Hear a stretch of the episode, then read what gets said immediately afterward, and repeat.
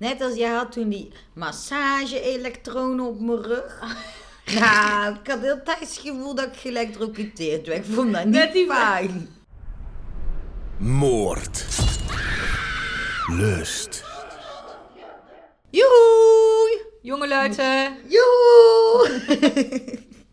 Ik weet ook niet meer hoe, hoe wij normaal, of ja, hoe wij altijd. Hallo, doen we Oh, hallo. vaak. Hallo. Hallo. We zijn weer bij aflevering 18, de laatste moordzaak van dit seizoen. Seizoen 1 van Moordlust. Ja, want de laatste twee zijn bonusaflevering. De bonusaflevering Moord en de bonusaflevering Lust. Zo Ja. origineel. Ja. Oh. en ik, eh, ik ga weer wat vertellen aan jou. deze laatste aflevering is het heel veel luisteren naar Ja. Anne. Joe. Maar goed, dat is alleen maar omdat het eh, ja, zo beter uitkwam. Ja. En dan eh, kan ik snel aan de slag met het eh, Ja. knippen van al ons gepraat. Ja. Ik, ik heb een mededeling. Ping, ping, ping. Anders mededelingen. Ja, nou ja, dit is een, een persoonlijke mededeling eigenlijk. Dat mocht ik gaan vertellen, hè? Ja, voor mij mag Ja. je het vertellen. Moet je daar mijn toestemming voor hebben? Het is ook jouw podcast. Misschien zeg je, ja, Anne, ik wil totaal helemaal niks persoonlijks hierin hebben. Nee, je mag het vertellen. Ja, want het heeft toch ook wel een beetje invloed natuurlijk op de podcast. Oh, helemaal zenuwachtig hiervoor. Wacht even hoor. Jongens, meiden, mensen. Nee, wacht, het, is- het valt wel mee. Maar ik ben zwanger. Ja, Ja. kleine babyopkomst. Ja, en eh, het is... eh, even kijken, als dit online... eh, al 20 weken ben ik zwanger, dus op de helft. eh, al een hele tijd. Maar misschien hebben jullie ook wel... Ik was altijd al wel een beetje chaotisch. En vergeet achter. En vergeetachtig en eh, moeite met uitspraak. En, maar nu kan ik alles op de zwangerschap gooien. Dus dat komt ook allemaal door de zwangerschap. En, maar soms, ja, soms ben ik dus even mijn, mijn draad kwijt of mijn woorden kwijt. Leila die doet er al heel veel aan. Dat jullie niet de first draft krijgen met heel dat eh, eh, opnieuw, eh, sorry. Ja, je bent ook wat sneller buiten adem als je te enthousiast, Ja. te snel gepraat En Leila die moet denk ik per aflevering 10 boeren ertussen uithalen. Omdat ik dus de hele tijd te snel praat en dan, ja, dan boertjes of maagje naar boven komt. Heerlijk allemaal. Maar eh, Maar verder is het heel leuk om zwanger te ja, zijn. nee, zeker hoor. Ik bedoel, nou, als je soms van de verhalen hoort van eh, mensen die je kent of eh, leest, dat ja, zwangerschap kan echt heel vervelend zijn. Ook met alle kwaaltjes die je erbij krijgt en zo. Maar gelukkig, dat was ik die het even afklopte, heb ik tot nu toe een hele prettige zwangerschap, moet ik zeggen. Ja, en hebben we gewoon altijd alles door kunnen laten. Ja. Want toen je laatst ziek was, was het ook niet door de zwangerschap. Nee, nee, nee, dat was, dus eh, dat was gewoon een buikgriep. Ja, Ja, dus... niet heel leuk, maar nog... Maar, eh, Nee, maar daarom, Nee, je was niet, verder eh, eh, ja. niet, Dat is niet niet ochtendmisselijkheid of zo. Ik had eerder mid- middagmisselijkheid. Hey, dat is trouwens even een... eh, ide- dat moet ik wel even zeggen. Mensen denken altijd dat het ochtendmisselijkheid is. Maar voor mensen die nog zwanger worden ooit of zwanger zijn... Het is helemaal normaal als je dat heel de dag door bent. En ook gewoon s'avonds. Dus het is een soort van idee dat het alleen in de ochtend gebeurt. Nee hoor. Nee. Heel de dag door. Maar er zijn heel veel fabels en dingen die mensen niet vertellen of weten. Maar daar gaan we een keer Nee, iets anders aan besteden. Dat je je luistert niet naar een zwangerschapspodcast Nee. op dit moment. Maar, eh, en we gaan ook wel natuurlijk proberen te kijken, als Anne wel met verlof is, hoe dat we dat er gewoon even wat vooruit werken. Of Ja, dat we dat ja. allemaal gaan doen. Maar daar moeten we even Dat komt wel goed. Dat duurt We nog gaan even. jullie niet eh, wekenlang zonder ons of alleen met Laila Nee. laten. En Nee. het duurt nog wel even. Dus, ja, eh, komt nog, goed. nog 20 weken. Oh. Maar ja, dus Anne is vandaag weer aan het woord. En dan weten jullie ook ja, waar de bepaalde... Heitjes en waar van alles vandaan komt. Ja, dat Nou. was hem. Had je verder nog mededelingen? Even denken. Ik had er dacht ik wel een. Nee, laat maar. Oké. Nou, dan ga ik, eh, ga ik los. En de aflevering die heet The Double Life of Herman Rockefeller. Moord. Nou, ik weet niet of de naam Rockefeller je iets zegt. Ja, New York, dat centrum. Ja, en dat is... Met de eh, ijsbaan altijd. Dat ja, ze- heb ik een keer geschaatst. Ja, ik heb niet geschaatst, alleen gekeken. Oh, ze dachten daar dat ik Frans was. Oh, En toen zei ik, oui, oui. no. En toen zeiden ze, Spanish. Zei ik, no. Italian, no, no, no. en uiteindelijk kwam er niet achter. Toen uiteindelijk zei ik, ik ben Dutch. Ah, Amsterdam, weed. Ja, inderdaad. Dat Ja. is altijd wat je dan denkt. Ja, Bizar, hè? Cheese, weed. En dat is eh, en de wallen. En sekswork. Ja, Ja, maar goed. De Rockefeller, inderdaad, is dat eh, gebouw, de, eh de wolkenkrabben daar. En dat is dan van eh, familie Rockefeller. En dat dacht ik eerst even, want dit is een zaak van Herman Rockefeller. Dacht eerst even kort geld zat trouwens. Ja, nou, ik vertel je even waarom. Even de, de background van de Rockefellers. De familie Rockefeller is een Amerikaanse bankiersfamilie met een aanzienlijk fortuin. Nou, vandaar dat ze ook zo'n groot gebouw hebben kunnen bouwen in New York. En ook staat de familie bekend om hun invloed in de politiek en in de industrie. Dus in eigenlijk alles. Oorspronkelijk zouden ze hun fortuin te danken hebben aan het... eh, aan hun Amerikaanse olieindustrie eh, gedurende de 19e en de 20e eeuw. Dus ze gaan ook echt way back. En die, daar is het begonnen bij eh, de broers John Davidson en William Rockefeller. Nou, en ze, sta- ze stichten het bedrijf Standard Oil op. En daarnaast wordt de familie ook geassocieerd met de Chase Manhattan Bank, dus ook de bank uiteindelijk. En eh, mede hierdoor worden ze gezien als de meest invloedrijke families uit de geschiedenis van de Verenigde Staten, naast families zoals Rothschilds. Oké, dus ze doen het wel goed. Ja, Dat ja. is de conclusie. Ja, inderdaad. Dit zijn van die families die hebben zoveel geld. Heb je toch wel eens dat eh, als je dan, volgens mij ook bij de Rothschilds, als je hun geld verdeelt over iedereen op de wereld, dat iedereen nog steeds 7 miljoen heeft? Ja, zoiets. Maar dat is ook die families, dat is ook zoveel oud geld en dat is allemaal goed besteed en dat blijft maar binnenkomen. En dat, Mhm. dat, ja, Het gaat niet op. nee, Lijkt me niks. nee, lijkt me ook niks. Kan er nooit, ja, nooit een doel in je leven meer. Als in, bijvoorbeeld als je iets leuks wil kopen of ergens naartoe wil of iets wil zien of iets... Ja, je kan alles letterlijk kopen bijna, behalve talent. Ja, maar dat is ook, ik, mijn opa vertelde dat laatst. Ja, die- gisteren vertelde hij dat.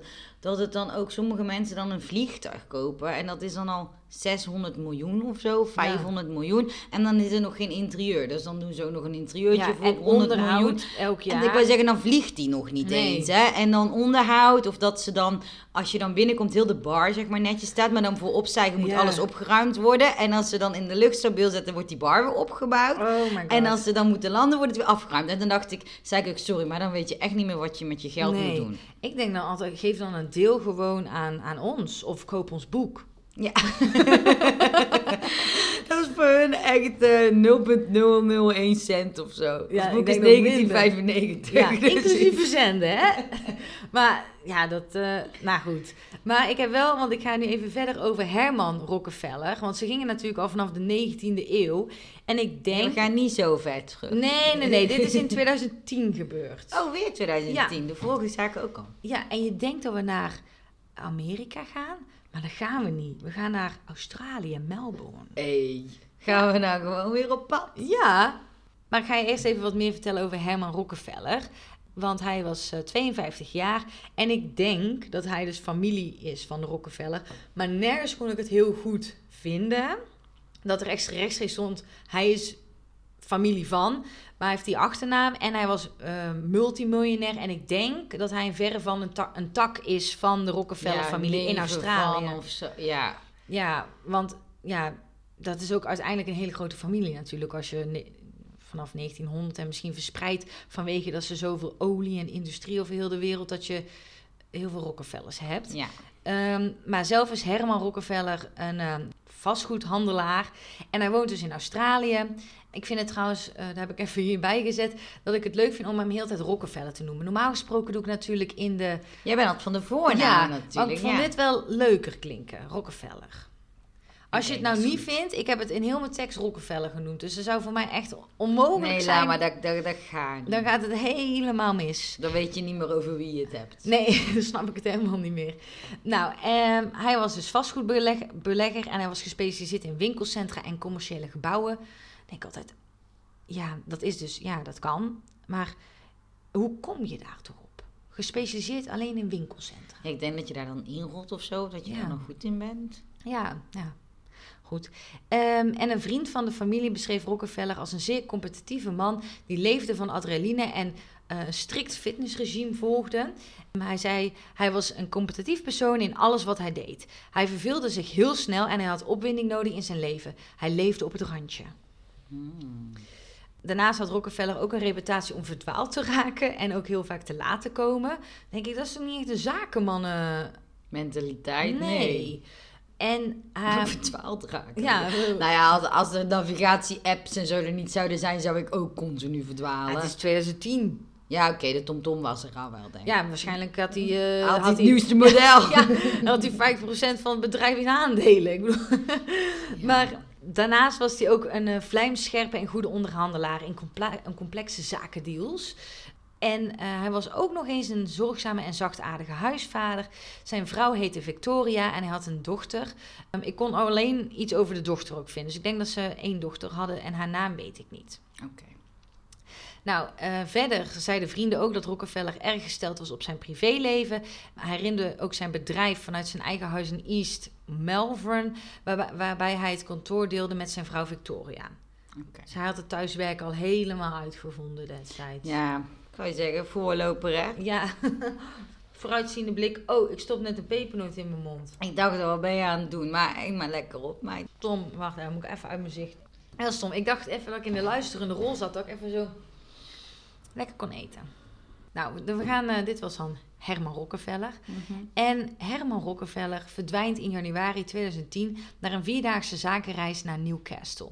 Hij werd nog voor het laatst gezien op de luchthaven van Melbourne uh, en zijn auto werd kort na half tien s'avonds nog geregistreerd dat het uh, het lang parkeren verliet, zeg maar, waarna hij nooit meer terugkeerde naar zijn huis in East Malvern. Mm. Het is natuurlijk ook de double life. Ja, oh ja. Mm -hmm. ja ik was het alweer bijna vergeten, Oh. maar in het, ja, nee, ja. Inderdaad. En voordat hij verdween had Rockefeller nog de naam van zijn dochter in de krant gezien bij de Australian National University. Uh, en ze was namelijk aangenomen door de Monash Medical School. En Victoria, zijn vrouw, zei hierover: hij was gewoon dolgelukkig hiermee en zo Mhm. trots. Um, hij was ook heel de week opgewonden geweest over de acceptatie van de Monash. Medical School. En had hier ook over gesproken in de telefoontjes naar huis. Terwijl hij in Newcastle was. Hij was helemaal Ja, happy trotse vader Ja. natuurlijk. En ehm, hij was daar trouwens met zijn broer. Even gewoon, daarna hij was met zijn broer. Eh, Robert was die, had hij een winkelcentrum gekocht in ja. Newcastle. Past Eh, bij zijn baan. ja, je, kan niet, je gaat met, eh, met Rockefeller niet shoppen. Je koopt het shopcentrum zelf. Gewoon. Ja. Zo, dat is pas spenden. Ja, zo. Oh, eh, hoe duur is heel deze toko hier? Oh, nou, la- ja, oké. nou, en verder vertelde zijn vrouw Victoria... Weet je, hij zou me opbellen en zeggen... Hallo, kan ik de moeder van de dokter even spreken? Omdat nou, zijn, dok- zijn dochter natuurlijk dokter werd. Hij was helemaal in de, de ban van dat hij aangenomen... maar dus ook heel blij. Mhm. En eh, mevrouw Rockefeller was die week op donderdag nog bij de Australian Open geweest. Ja, natuurlijk geld, Geld te spenden. Zat vooraan, die zat op dat stoeltje waar de jury normaal zat. Ja. Zij zat daar toen. Gewoon, ja, alles is te koop. En eh, Rockefeller had haar toen voor het laatst gebeld, maar toen had ze die oproep gemist.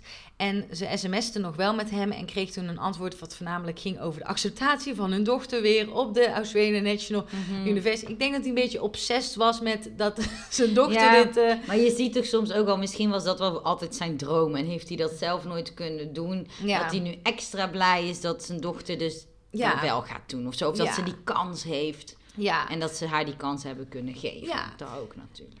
En er was ook geen spoor van stress of druk bij hem te vinden, zei Victoria. Nou, en dat was ook de laatste keer, dat sms'je eigenlijk, de laatste keer dat er iemand uit zijn familie met hem had gesproken of iets van hem had gehoord. Ehm, maar hij was met zijn broer, dus ik denk eigenlijk de laatste keer echt dat, dat, ja, was dat hij met zijn broer het vliegtuig Mhm. instapte. Maar ik weet dus niet, misschien bleef die broer wel bij het winkelcentrum, weet ik niet. Maar Rockefeller, die was na acht dagen nog steeds niet ergens te bekennen. Vind ik best lang. Ja, dat vind ik ook best wel lang. 2010, Australië. Australië is groot, maar ja, er is ook geld. Je kan, ik bedoel, multi-multimiljonair. Je kan alle dingen inzetten om hem op te sporen. Je gaat mij niet vertellen dat die man geen navigatie in zijn auto heeft gebouwd die je kan volgen, een telefoon en dan acht dagen vermist te zijn. Dat vind ik ook wel echt lang. Ja, toch? Ja, ja. En vooral als je gewoon regelmatig contact hebt. Of ook hij was dan zo trots op zijn dochter. Dan zal hij ook niet acht dagen naar haar toe waarschijnlijk niks van zich laten Nee. weten of zo. Nee, dus En hij werkt ook met zijn vrouw samen. Dus dan lijkt me dan ook zeg maar wel belangrijk om elkaar dan niet alleen als vrouw, maar ook als collega's te bespreken. Ja. Dus, Ja, maar hij was ook al echt vermist opgegeven. Hè? Maar, Oh, ze dat hadden, wel. maar ze hadden gewoon geen spoor. oh, ik dacht even dat hij ook niet vermist was opgegeven. Nee, ik dacht, nou, nee. die wachten nou Volgens mij was hij dagen. wel vermist opgegeven, maar dat vind ik dus zo Oh. raar. Dat ze er niks mee deden eigenlijk. Nee. Zo, ja. Oh, sorry. Ik dacht dat hij nog niet sorry. opgegeven Ja, misschien was. was ik niet duidelijk, meid. Maakt niet uit. Nou, ik ga hier een beetje op hak op de tak, maar toen, hij werd dus vermist, die acht dagen, en er was geen enkel spoor. En toen werden er menselijke resten gevonden in de achtertuin van een appartementencomplex in Glenroy ten noorden van Melbourne. Dus toen, eh, toen ging het politieonderzoek ineens van vermissing naar mogelijk moord. En het eh, bleek ook over eh, meneer Rockefeller te gaan. En uiteindelijk bij dat onderzoek, en toen dacht ik, had je dit niet eerder kunnen doen dus? Bleek dus dat Rockefeller, eh, toen hij terugkwam in Australië, een omweg heeft genomen. Hij ging dus niet rechtstreeks naar huis, maar hij ging Mhm. dus richting Glenroy. Dat zagen ze ook later, dat het werd bevestigd, denk ik, op ehm, van die camera's langs de snelweg, Ja. zeg maar. En hier zou hij een ontmoeting hebben gehad met Mario Chambry en Bernadette Denny. Die uitliep, die uitliep in een discussie. Nu stelde de politie zichzelf de vraag: welke dringende zaken had hij met dit echtpaar, eh, Mario en Bernadette, nou te bespreken? Eh, Mario was trouwens 57 jaar en Bernadette 41 jaar. Mhm. En, oh ja, en eh, Rockefeller was 52 jaar dan. En hij had ook gewoon rechtstreeks naar huis kunnen gaan, natuurlijk. Ja, en hij had ook niet laten weten thuis dat hij Nee. niet rechtstreeks naar huis Nee, kwam. dus werkgerelateerd was het niet helemaal, denk ik. Ik weet hun banen niet, maar ik denk niet dat ze een winkelcentrum hadden. Nee, en anders had hij dat Of- toch juist tegen zijn vrouw al verteld. Ja, want ik denk dat die vrouw eigenlijk ook bij hem op kantoor werkte, als in dat ze misschien zijn administratie ook deed natuurlijk, als zij met hem werkte ook. Ehm, of iets anders deed ik. Ehm, even denken hoor. Oh ja, nou, er werd allemaal wat gespeculeerd en ze gingen allerlei nou, dingen bedenken. Ja, zoals de politie dat doet. En eh, nou ja, Rockefeller stond niet echt bekend als eh, in de party scene van Melbourne of zo. Eh, Maar hij bleek toch wel iets wilder dan gedacht. Want hij wilde dus heel graag gaan swingen en groepseks. En bedocht, bezocht ook heel vaak swingwebsites. Hij wilde ook wel die adrenaline opzoeken Ja. natuurlijk. En dit was dus, want nu heb ik het al een beetje laten droppen natuurlijk, over swingers. Ehm, hier had ik dus ook een ingeving van, zou er niet een keer een eh, massamoord zijn geweest bij een swingparty of zo? Nou, het is één van de tientallen verhalen die ik eruit heb gepikt. Bizar. Ja. Bizar. Eh, sick. Maar goed, en ik had deze eruit omdat ik dacht, ah, Rockefeller, die is bekend. Interessant. Maar er waren nog heel veel andere verhalen hoor. En ik zeg er duidelijk bij dat eh, Rockefeller dus ook vaak swing-websites bezocht. Want de vraag of hij echt parties bezocht was niet duidelijk. Want een feestorganisator, die ook wel Paul werd genoemd, die, eh, die deed ongeveer acht reguliere swingfeestgroepen in Melbourne regelen en parties organiseren. En die zei dat meneer Rockefeller daar nooit bij was. Paul zegt verder dat hij denkt dat meneer Rockefeller te discreet leek om tot de party scene te behoren. Dan denk ik, ja, Dat is ook onzin. ja, wat een aanname. Je organiseert die feesten. Je weet ook dat, het, dat mensen van allerlei soorten, maten, werkgro- werkgroepen. Maar over, ieder mens kan toch swingen Ja, als ze dat is willen. niet een soort van stereotype waar je aan moet voldoen. Nee.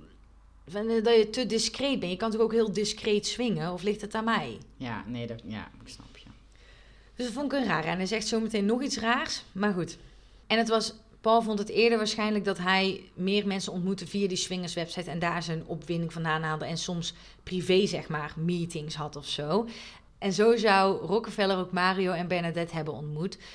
Paul zegt er ook verder, en dit vond ik dus heel raar, zegt hij over hun alle drie. Voor, zo, voor zover wij weten is geen van deze mensen op feestjes geweest. Na het zien van de foto's van alle drie hadden geen van hen deel uit kunnen maken van de party scene. Als ik kijk naar Mario, kan ik dat goed begrijpen. Want mensen die fysiek niet aantrekkelijk zijn, doen het niet goed in deze feestsituaties.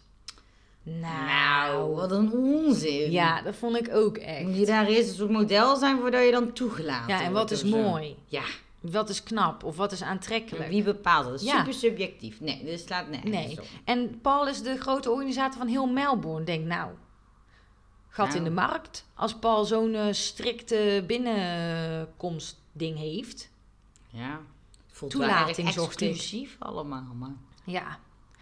Maar even tussendoor ook voor mensen die graag willen swingen of zo. Je hoeft daar niet een, eh, een, eh, een, eh, topmodel voor te zijn. Je kan Nee, en je gewoon... hoeft ook niet de extreemste fetishje en weet ik veel wat leuk Nee. te vinden. Want dat is de andere kant Nee. die denk ik vaak belicht wordt. Of dat het dan in een donkere, vieze kamers in Mhm. Ja, huis heel stereotyperend wordt Ja. het altijd neergezet. Maar zullen we in het lustgedeelte sowieso wel verder gaan over het swingen, dacht ik al.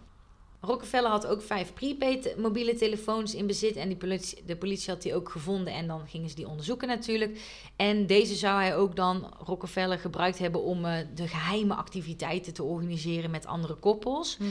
Ehm, hij zette met die telefoons advertenties online in kranten en in tijdschriften, eh, gericht aan swingerskoppels. En ehm, op een van deze advertenties had Bernadette dan ook gereageerd. Eh, die stond in een tijdschrift. Ik dacht, lekker oldschool. Ja, een beetje de Lonely Hearts. Ja, ik dacht, ik moest daar ook gelijk aan denken, aan aflevering 1. ja. Lonely Heart Killers inderdaad. Echt zo nog, eh, vanuit een tijdschrift en een krant. En eh, nou ja, Rockefeller gebruikte hierbij natuurlijk niet zijn echte naam. Oh, slim. Nee, Eh, maar hij, hij heette Andy Kingston. Ik vind het altijd zo bijzonder hoe dat mensen dan op die naam komen. Ik zou ook zelf oprecht. Ik ben ook niet creatief in dit vlak. Ja, Waar je dan voor naam Anita. Jansen zou ik hebben. Oh ja. Gewoon, Kom er snel op. hè. Je zal ik even googlen naar Jansen. ik heb ook een dubbel leven. Ja, ik denk dat je dan ook toch denkt... Ja, nou, ik heb niemand uit mijn klas die Anita heet. Maar dat je aan oude klasgenoten denkt. Dus en een veel voorkomende achternaam. Kingston is ook niet echt dat je zegt van... Nee. Een hele aparte naam of zo. Of het is echt zo dat je een naam verzint die dan... eh, dat je denkt, huh? Dat mensen zo te creatief en te van... Oh, we moeten geen opvallende naam. Maar dan toch één naam kiezen... En dan wel een normaal, of nou normale, gangbare voornaam. Bijvoorbeeld Jan. Ik doe het even in het Nederlands, hè. Jan en dan Van der Tulpen Steenweg Kromme Straat. Oh, Weet je, dat je ineens zo... Dat je denkt, Nee, maar ze zeiden toch altijd dat, dat, dat zeiden ze vroeger wel dat je pornonaam, dan Ja. je voornaam plus je straatnaam. Of En weet de ik- eerste huisdier wat je hebt gehad. Nou, dat wordt echt helemaal niks. Nee, dat is, maar dat klinkt ook veel beter in Amerikaanse straatnamen, zeg maar. Dan, Ja. Of dan, dan in Nederlandse. Ja, ik, ik wilde de mijne zeggen, maar dan weet je waar ik heb gewoond. Oh ja. Dat gaan we niet doen. Oh, gevaarlijk. Hier luisteren misschien ook toekomstige moordenaars naar en dan kunnen ze ons vinden. Stalkers. Oh nee. Nou goed. Dan gaan we weer terug naar Rockefeller en zijn advertentie. En Bernadette die had dus daarop gereageerd. En ze had contact met hem opgenomen met de bedoeling om te gaan swingen ook. Want zij en Mario hadden eerder in hun relatie het gehad over een trio. Maar dan met een callgirl. Dus het, was al, het gesprek was al geopend Mhm. bij hun. En ehm, ze hebben dus, toen Rockefeller terugkwam uit Newcastle, hebben ze elkaar ontmoet. Alleen was dit niet de eerste keer dat ze elkaar hebben ontmoet. Want ze hadden blijkbaar al een keer eerder afgesproken. eh, en dat was dus wel goed afgelopen. En dat was eigenlijk meer een soort van kennismaking, denk ik. Van, weet je wel, voelt het goed? Is er een klik? Kunnen ja, we, ja. Ben je echt wie je bent, zegt dat je bent. Ja. is ook altijd handig om te checken. Ja, dus dat was denk ik de eerste afspraak en dit was dan de tweede afspraak. En ze hadden dus ook wel afgesproken dat bij de tweede date of bij de tweede afspraak dat er wel seks zou komen. En dat beide koppels zouden gaan swingen. En ik zeg ook beide koppels, want Rockefeller, also known as Andy, zou zijn vrouw Jenny meenemen voor het avontuurtje. Maar Oh. ja, Jenny bestaat niet. Nee, ik wou zeggen, de, Jenny is niet... Nee, komt er met lege handen Dan was Jenny zeker ziek. Ja, Jenny voelde zich niet goed inderdaad. Ik weet, ik weet niet wat, wat hij heeft gezegd, maar bij aankomst toen, ja, toen zagen hun ook dat eh, Andy alleen was. En dat Jenny thuis ziek, zwak of moe op bed lag of wat dan ook. Eh, en daar waren ze niet blij mee.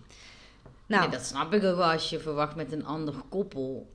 ja, Het is toch anders dan dat je een natuurlijk trio een, ineens met, één man die Ja. dan niet als koppel Ja. is. ja. En nou ja, waarschijnlijk is dan ook zo gelopen dat eh, Rockefeller heeft gezegd van ja, of Andy dan. Maar waarschijnlijk wilde Rockefeller alsnog seks doen. Ehm, ja, want hij had dit altijd al bedacht, want Ja. er was geen Jenny. Nee, hij wist het al lang van tevoren. het was voor hem helemaal niks nieuws. Nee. Maar ja, voor Mario en Bernadette wel. En toen werd Mario heel boos op dat moment. Want Jenny was er niet. Terwijl Rockefeller dit ook tussendoor herhaaldelijk had beloofd aan hun. Dus dat is ook wel... Weet je, de eerste ontmoeting was Jenny er niet. Want misschien vond Jenny dat eng. Ja. Niet die mooie foto's zien van Jenny. Ja, ze is de volgende keer er echt bij. Hij kan ook gewoon foto's met zijn eigen vrouw hebben laten zien. Hè? Dat, weet je, dan zijn het ook Oh. nog echte foto's zo. Ja. Maar ik vind wel dat, hoe zeg je dat, hij, als hij die advertenties en zo deed, dan ga je ook, dan zet je daar al in dat je met z'n tweeën bent. Of dat hij als koppel is. Dus ik snap heel goed dat die Mario en Bernadette van de koude keimers thuis kwamen Ja. toen ze maar Ja. alleen hem zagen. Want inderdaad, ze hadden het dan wel eerder gehad over een trio. Mario en Bernadette met een call girl. Ja, maar, niet met een man. Nee, dus dat is dan ook... Ja, als je dan denkt, oh, ze zijn inderdaad een koppel... dan ga je toch, sta je anders in het spel. Ja, vind ik ook. Mario die werd dus heel boos en eh, toen viel hij Rockefeller ook aan. En hierbij ging het heel snel en ik weet hier ook de details niet van. Dus tijdens dit gevecht doodde hij Rockefeller. Oh, oh, de... Ja, Oké, ja, dit was heel snel. Ik dacht misschien gewoon een aanval, wacht, ruzie. weet ik ga het wel even... Mario sprong op Rockefeller, op Andy. Hij pakte hem beet en ze worstelden door heel de kamer heen. En Maria stond er... Of, eh, Maria. Bernadette. Ineens Maria stond erbij. Oh, daar is Jenny! maar... Die ehm, was, Maria was ineens zo in de waan gekomen. Ja. Ik weet het niet. maar Bernadette die stond er erbij en toen ineens eh, Mario kon zijn woede niet aan, pakte Rockefeller bij zijn nek, greep hem en deze kilde. Ik weet dus niet of het echt zo is gegaan, maar ik heb de, de, loze, de, de lege plekjes van het verhaal ingevuld. Maar het is wel op waarheid berust. Ja. dat is goed, daar zullen ze volgende aflevering Ja. nog meer over horen, denk ik. Ja, over dat daarom. op waarheid berust Ja, zijn. ik wist dat het de volgende was. Ik dacht, laat er vast. Ja, ik ben dan aan het spoilen voor volgende week. Ja. Maar goed, Rockefeller is dus dood. Dat is de conclusie. Ja, en ehm, later werden Mario en Bernadette ook opgepakt en beschuldigd van de moord van Rockefeller. Ik kom zo meteen nog tot wat gruwelijke details hoor. Maar ik moet zeggen, ze wisten dus dan wel uiteindelijk best wel snel dat hij met hun ontmoet had. Maar dat was dan via die telefoon. of Ja, maar dat denk ik dus, ja, hoe dan? Hebben ze die acht dagen niet even één keer zijn telefoon gecheckt of een andere Ja, telefoon? of misschien mocht dat niet of zo. Ja.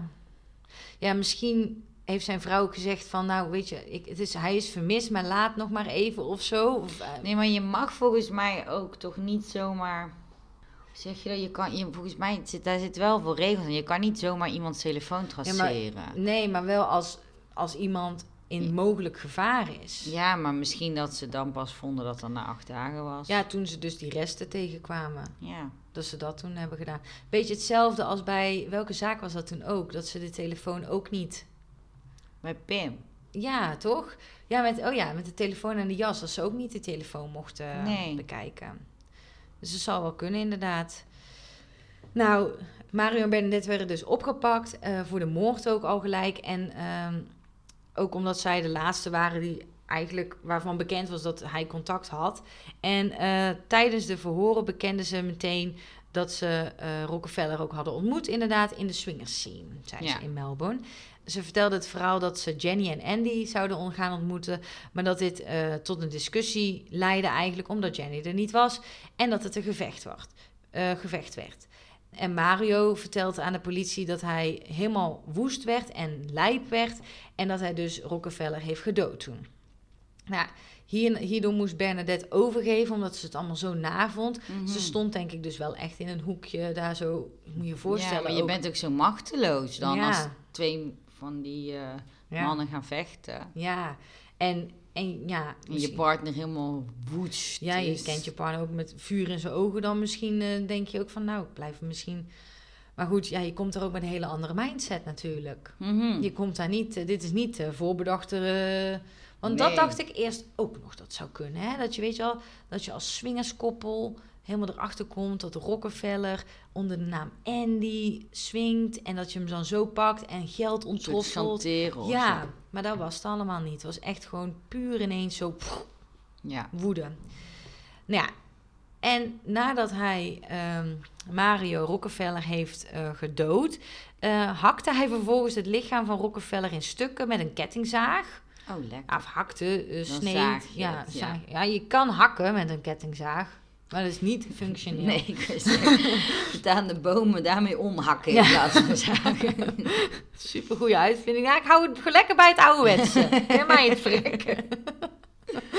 maar eh, ook weer grappig dat wij over hakken van lichaamsstukken weer eh, kunnen lachen. Ja, je Ehm, moet vooral lachen omdat ik gehakt met een kettingzaag. Het kan ook... Nee. Nee, het is een kettingzaag geweest. Nou goed.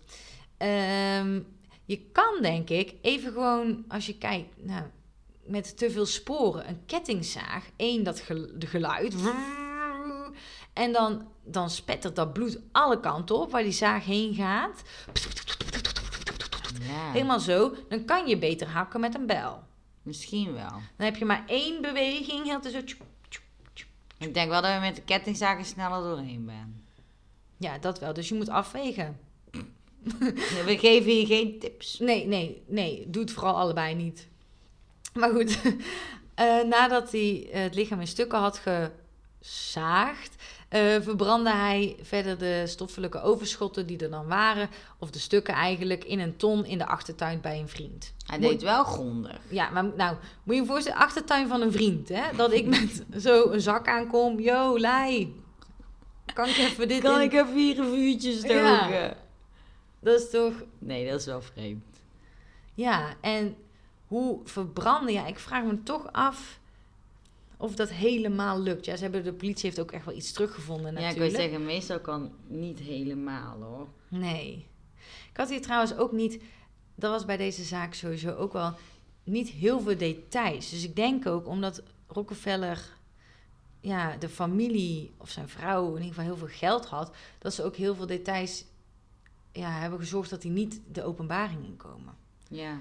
Want soms, daar hoor je toch echt, weet je wel, zo ja, specifiek hoe het hoofd eraf werd gehakt of zo. Of iets, in ieder geval van die gruwels. Mhm. En hier wordt het allemaal weggelaten in elk artikel. Ik heb er heel veel artikelen over gelezen, maar niks kon de gruwel niet vinden. Nou ja, het is ook gruwelijk, maar Nee, maar niet, ja, ik weet niet. de echte details, weet je wel. Nou, het echtpaar eh, Mario en Bernadette, die pleiten schuldig aan doodslag in de Melbourne Magistrates Court. Nadat een aanklacht voor moord was ingetrokken, want het was dus niet gepland. Nee, dus het was doodslag. Ja. En eh, Bernadette snikte toen ze in de rechtszaal werd veroordeeld tot zeven jaar gevangenisstraf met een minimum van vijf jaar. En Mario die werd veroordeeld tot negen jaar gevangenisstraf met een minimum van zeven. Dat is dan zo weinig verschil, hè? Hij heeft het echt gedaan. Ja. Zij is natuurlijk net ook wel medeplichtig, maar ik bedoel... Zou het bijvoorbeeld anders zijn geweest als zij per direct daarna gewoon Mario had verraden, een soort van, en had gebeld bijvoorbeeld met de politie? Weet ik niet. Misschien wel. Maar ja, dan waren die weer tegen elkaar opgezet. Ja, Ja, ik weet niet. Maar ik vind die straffen altijd heel lastig, ja, hoor. ja ik ook. Want wat is een goede straf? Ja, Ja. ik zou het echt niet weten. Ja, en ik vond dit eigenlijk ook wel, als je kijkt naar ehm, de vorige zaak, Ja, Eh, als je die nog niet hebt geluisterd, is dit een spoiler. Maar daar, 40 jaar en levenslang. ja. Voor een geplande moord dan wel. Maar Alsnog is het in die end is allebei iemand wel gruwelijk vermoord. ja, Ja, ik weet en ik niet. vind eigenlijk, ja, als je Maar ik vind wel... doodslag de- met in stukken hakken van het lichaam of snijden, Ja. zagen. Maar dan is hij al dood natuurlijk. Ja, dat weet ik, maar dat is, alsnog vind ik dat. Nou ja, wat wel natuurlijk is, is dat als we kijken naar de vorige zaak, dat die kans op herhaling, als ze niet gepakt waren, wel veel groter was dan dat ik denk ik hier denk dat de kans op herhaling groot is. Ja, nou ja, de, de rechter zei hier nog wel iets over. Want bij de veroordeling zei de rechter Terry Forward dat allereerst zei hij dit, dat Rockefeller enkele, en dan tussen aanhalingstekens, onorthodoxe keuzes heeft gemaakt in zijn volwassen leven, omdat hij dus van swingen hield. Oh, Zo onorthodox. ja, oeh.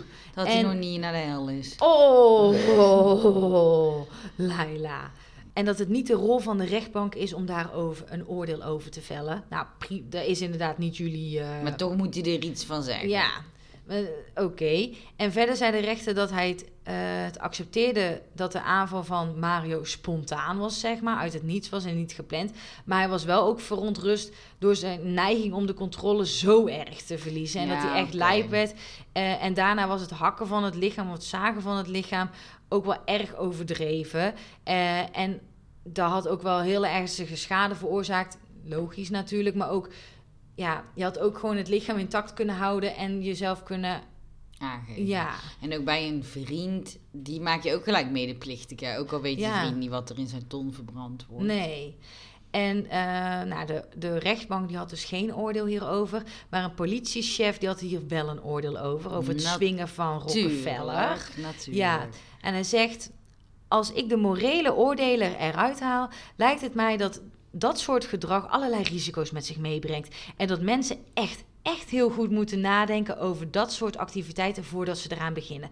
Want ja, chefke, politiechef, als jij aan swingen begint, dan wordt er altijd vermoord. Ja, zijn vrouw zou wel niet willen. Oh, nou wat een aanname zeg. Dat jij toch ook? Ja, Nee, nee, dit is van mij ook. Maar ik, ik word daar zo moe van. ja. En dat je ook... Je mag dat van mij vinden, maar waarom moet je dat dan ook in een weer in interview weer ja, zeggen. Net Ja. alsof hij daarom vermoord is. Ja, ja de, de gedachtegang van hem is dan... als hij dit niet had gedaan, als hij niet dat swingen had gewild... dan was hij nog in leven geweest. Ja, maar als diegene die gisteren overleden is bij een auto-ongeluk niet in de auto was Ja. gestapt, was hij ook niet Maar dat is hetzelfde. geweest. Ik denk niet dat, dat als iemand parachutespringen als hobby heeft... en daarbij overlijdt, dat ze dan zeggen... nou ja, zijn wel heel onorthodoxe keuzes in je volwassen leven die je maakt. Als je parachutespringen met een gezin... als je dat als, als Ja. hobby neemt... ja, je moet wel echt met dat soort gedrag... allerlei risico's eh, daarvan bewust zijn die mensen... Dat zeggen ze nooit, maar inderdaad, als het seksueel gerelateerd is, het ineens. En ik, ja, dan zit, denk ik ook wel vaak dat mensen zelf niet eh, eh, willen. Ja, dat ze dan zeggen van, oh, dit is oké of zo. Of dat dan, dan in de krant komt dat ze dat oké vinden. Want er wordt dan gelijk gedacht dat ze ook swingen natuurlijk. Ja, dus allemaal sarcastisch natuurlijk. Ja, ja. Maar ja, maar goed, dat was dus eh, de double life of Herman Rockefeller. ja, heftig. Ja, Ook, ook wel eng of zo. Dat ehm, ook voor die, voor, die, voor die vrouw van die Mario. Dat je dus ineens in zo'n situatie dat een ruzie zo escaleert. En dat je gewoon. Rage is dat dan. Dat, het, Ja. ja. dat je daar helemaal in ja dan zit. gaat zwart voor je ogen gewoon. Ja. En eh, ze zijn trouwens nu vrij, hè? Want oh ja, was ze in hebben niet zo lang 2010. vastgezeten natuurlijk. Ja, en als ze dan vervroegd vrij zouden zijn, was. eh, nou ja, ze zijn sowieso beide, ook met die andere gevangenisstraf, de lange gevangenisstraf, maar met vervroegd vrij zijn ze sowieso nu vrij. Ja, dat is ook altijd gek. Maar je zit Besef. trouwens dan in andere gevangenissen natuurlijk, want dat wordt altijd nog steeds gescheiden. Ja, klopt volgens mij. Maar ik denk wel dat er een regeling is dat je dan elkaar mag zien. Ja, als ze nog bij elkaar zijn, dan weten we ook niet. Ja, daar heb ik geen inside information over. Nee. Ga ik eens even nog googlen. Ja. Zijn Mario en Bernadette nog samen? Krijg je van allerlei andere Krijg ik zo'n soapserie Ja. uit eh, Spanje of zo? Ja. Ja. Oké, nou dankjewel voor dit eh, interessante verhaal. Alsjeblieft. En het was inderdaad weer eh, wat je zei, dat je dacht, zal er iets gebeurd zijn Ja. omtrent Swinger? En bam, Ja. er was weer een hit. Dus vooral ook aan mensen, wij doen altijd een oproepje, maar als je gewoon ook een onderwerp hebt, gewoon Anne googelt wel. ja, gooi op en we vinden er een, moordzaak bij. Ja. Soms vind ik dat ook wel weer bijna eng. Dat Ja. we dan soms de dingen die we denken, denk, nou, het zal dat kan niet. toch ja. niet? En dan, eh, dan eh, ja, ja, zo is er voor, voor elk ja, onderwerp een pornofilm te vinden, maar ook voor elk onderwerp een moordzaak. Ja, ja, zo kan je het eigenlijk Ja. wel zien. Oké, dan gaan we maar naar het lustgedeelte. Ja, Lust. oké, dan zijn we bij het lustgedeelte. Ja, en vandaag gaan we tips geven over hoe wel Ja, te swingen. zonder dat daar En dat het niet onorthodox is, Ja. of dat, dat niet, of dat je dan vermoord wordt. Ja, ja, dat hebben we denk ik al wel getackeld. Dat het, het is gewoon helemaal oké als jij van swingen houdt en als je je daar aan de consent houdt en dat je daar toestemming, dat is eigenlijk hetzelfde, maar ehm, dat je daar gewoon fijn, dan is dat helemaal oké. Maar hoe ga je swingen? Nou, ja, ik denk dat het allereerst heel belangrijk is, net als nu bijvoorbeeld bij eh, meneer Rockefeller. Hij heeft het volgens mij niet met zijn vrouw besproken. En vaak zie je vaak dat koppels gaan swingen. Of dat, hè, Mhm. dat een van de twee of alle twee zeggen... oh, dat lijkt me wel interessant. Of dat kan wel iets zijn. En dan is het weer, sorry, maar dan is het... daar moet je over communiceren Ja. met elkaar. En ook swingen betekent ook niet gelijk... dat je meedoet aan een groep sekspraktijk. Nee. Je kan ook gaan swingen door bijvoorbeeld alleen maar gewoon een kijkje te nemen... Ja. of bij een feestje aanwezig te zijn, zeg maar. En ik denk dat het wordt gelijk, weet je wel, dat, dat, dat iedereen is niet dat iedereen seks moet hebben. En als je daar als koppel zo'n heen gaat, dat het koppel Trein is. is aan penetratie. Ja. Dat dan in films wordt het dan ook altijd als zo'n massa met een hoop met mensen die liggen. En dan op swingers weet je altijd met zo'n eh eh, burlesque thema. Of dat je Ja. zo'n zo'n eh, Maskertje, zo'n ja. masker op hebt. Altijd in Zo'n films. gemaskerd bal Ja, gemaskerd bal, Ja. die dingen allemaal. Maar het is natuurlijk ook gewoon heel anders. En in, er zijn van die feesten. Ehm, ik weet zo uit mijn hoofd bijvoorbeeld Fun for Two heb je. Mhm. En eh, dan schrijf je volgens mij de eh, voor is een 4 ook. Fun for Two. .com.nl En dan kan je ook gewoon zien dat eh, die feesten, dat is ook gewoon, je kan daarheen om eerst inderdaad kennis te maken met de, de sfeer die daar hangt. En dan kan je elke keer als koppel beslissen van oké, nu gaan we eerst even rondkijken en dat aanvoelen. En de tweede keer, dan wil ik misschien wel zoenen met iemand, maar ik hoef niet gelijk seks, seks te hebben. Nee, en ook respecteer er ook van. Als de een van de twee toch zegt van... Sorry, die gaat me toch te ver. Of ik, ik vond het in mijn fantasie toch leuker dan in het echt. Ja, Dat het ook mag. Maar dan is het wel belangrijk om daar samen open over te zijn. Want het kan echt wel dat de ander nog Ja. wel gaat swingen. Maar dan moet je er wel oké mee zijn. Want Ja. Anders wordt het zo'n dubbel leven. Mhm. En ik denk dat een dubbel leven altijd gevaarlijker is. Niet per se om vermoord te worden. Maar ook gewoon Nee. dat niemand weet waar je bent of wat je aan het doen bent. Nee, nee, inderdaad. En ik denk trouwens nog wel, maar het is misschien met swingen, dat doe je toch vaak wel met in ieder geval twee koppels, als in koppels gewoon twee mensen, twee keer twee mensen. En dat eigenlijk wat Rockefeller deed, niet echt helemaal swingen is. Maar hij deed natuurlijk net of Jenny er was, maar Ja. wat hij, je, je kan volgens mij namelijk niet alleen naar een swingersparty. Je moet wel altijd iemand meenemen. Ja, dat, maar dat is dus een beetje lastig, want dat, dat, dat is niet altijd zo. Er zijn ook, eh, maar dan noemen ze het misschien net, Ja. noemen ze het swingen, maar is het niet echt swingen? Snap je? Ja. Want je hebt ook natuurlijk soft swap en weet ik veel wat je allemaal hebt. Staat in het boek, ik weet het zelf niet meer. Maar dat, ehm, dat er ook wel eens swingers, dat, dat het ook niet altijd zeg maar met z'n tweeën hoeven te komen. Nee, maar, ja, maar naar het feestje binnen te gaan, zeg maar om binnen te treden, moet je wel met z'n tweeën zijn. Maar je hoeft niet met z'n tweeën zelf Ja, maar mee dat- te doen. Er zijn volgens mij dus allerlei variaties op, maar dan noemen ze het allemaal weer Ja, hetzelfde. anders. Maar Ja, als je Maar- zeg maar in je eentje, eh, jij dat wel wil en je partner niet, dan is er echt wel een manier om ergens dat wel te kunnen doen. ja, ja, dan kan je dus iemand meenemen die ook alleen is. En dan kom je ook binnen met z'n tweeën, zeg maar. Zo kan het, hoeft niet per se met een koppel, maar je moet wel in paren binnenkomen, is vaak de, de Ja. enige reden. Maar soms heb je, ja, ik heb nog gezegd, we gaan er niet heel toe, maar dat is, soms er zijn ook bijvoorbeeld van die parties waar bijvoorbeeld vrouwen wel alleen mogen Ja. en mannen weer niet. Zeg Ja. maar dus Ja, het is niet dat is al- altijd dat het de klassieke, maar dat is meer een soort Mhm. van partneren of met z'n tweeën Ja. en dan nog een koppel en dat samen. Maar er Mhm. zijn honderdduizend variaties Ja. van. Want wat je dus ook vaak ziet bij swingen is dat mensen wel eerst naar zo'n swingersparty of huis of iets gaan om mensen te leren kennen Ja, en, en uiteindelijk daarna- later een andere keer thuis echt afspreken bij mensen. Omdat het dan niet dat elke swingersclub of dingen natuurlijk zo, ja, zeg je dat, een beetje donker en rood en weet ik veel wat. Mhm. Een beetje dat mensen zeggen van ja, het voelt een beetje gekkig of zo. Mhm. Dat heel veel mensen het fijner vinden om in de huiselijke situatie te zitten. En dat mensen dan daar afspreken om mensen te ontmoeten, omdat je allemaal swingt. Of dat je Ja. allemaal leuk vindt, dat weet je in ieder geval. Is Mhm. anders dan dat er gewoon een koppel komt eten en je Ja. zegt, hey, Ja, dat eh, heb je toch soms dat het even een soort van misgecommuniceerd ja, wordt. dat kan Het zijn van die awkward verhalen. Maar je kan inderdaad op zo'n feest ook mensen ontmoeten. Maar je kan ook, als je zo'n feest eigenlijk al te lastig vindt... of je vindt dat eng of zo... kan je ook op forums... ehm, kan je ook al zoeken naar andere koppels. En dan kan je ze ook bijvoorbeeld eerst op een neutrale plek... bijvoorbeeld eerst even een avondje eten of lunchen of zo... dat je elkaar ook ontmoet. En dat je dan later inderdaad bij elkaar thuis gaat of zo. En ik wil ook wel bea be- beamen... ik wil ook wel benadrukken dat mensen ook altijd, dat heb je net al wel een beetje gezegd, maar dat mensen altijd, maar dat is bij alle soorten seks denk ik, kunnen stoppen tussendoor. Dus als je Mhm. echt merkt van, oh, ik had het toch echt anders ingebeeld of het voelt op dit moment niet goed, kan je altijd zeggen, oh, ik wil even een stapje terug eh, of even dit helemaal niet. Eh, en dat is ook helemaal goed. Het is wel, weet je, dat is ook wel een idee over de swingers zien. Dat het altijd, eh, ja, wat we net eigenlijk zeiden, die, die grote groepen mensen die seks hebben. Maar het is juist heel erg op ook communicatie en consent. En dat continu checken bij elkaar van voel je je hier goed bij? Is dit oké?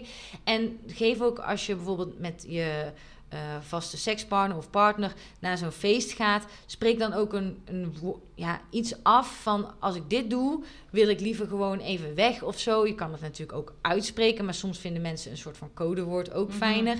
Dat je zegt, even kijken, theepot, zit ik nou even naar de- maar de theepot eh, is te warm of zo, dat je zegt, nou oké, dan gaan we terug naar huis. Ja, en ook gewoon dat swingen echt niet full-on met iedereen seks moet hebben. Moet zijn. Het kan ook gewoon flirten met een andere koppel zijn Mm. of, of zoenen. En dat jullie dat ook allemaal dat ook oké vinden. Ja. En dat dat het is, dan mag ook.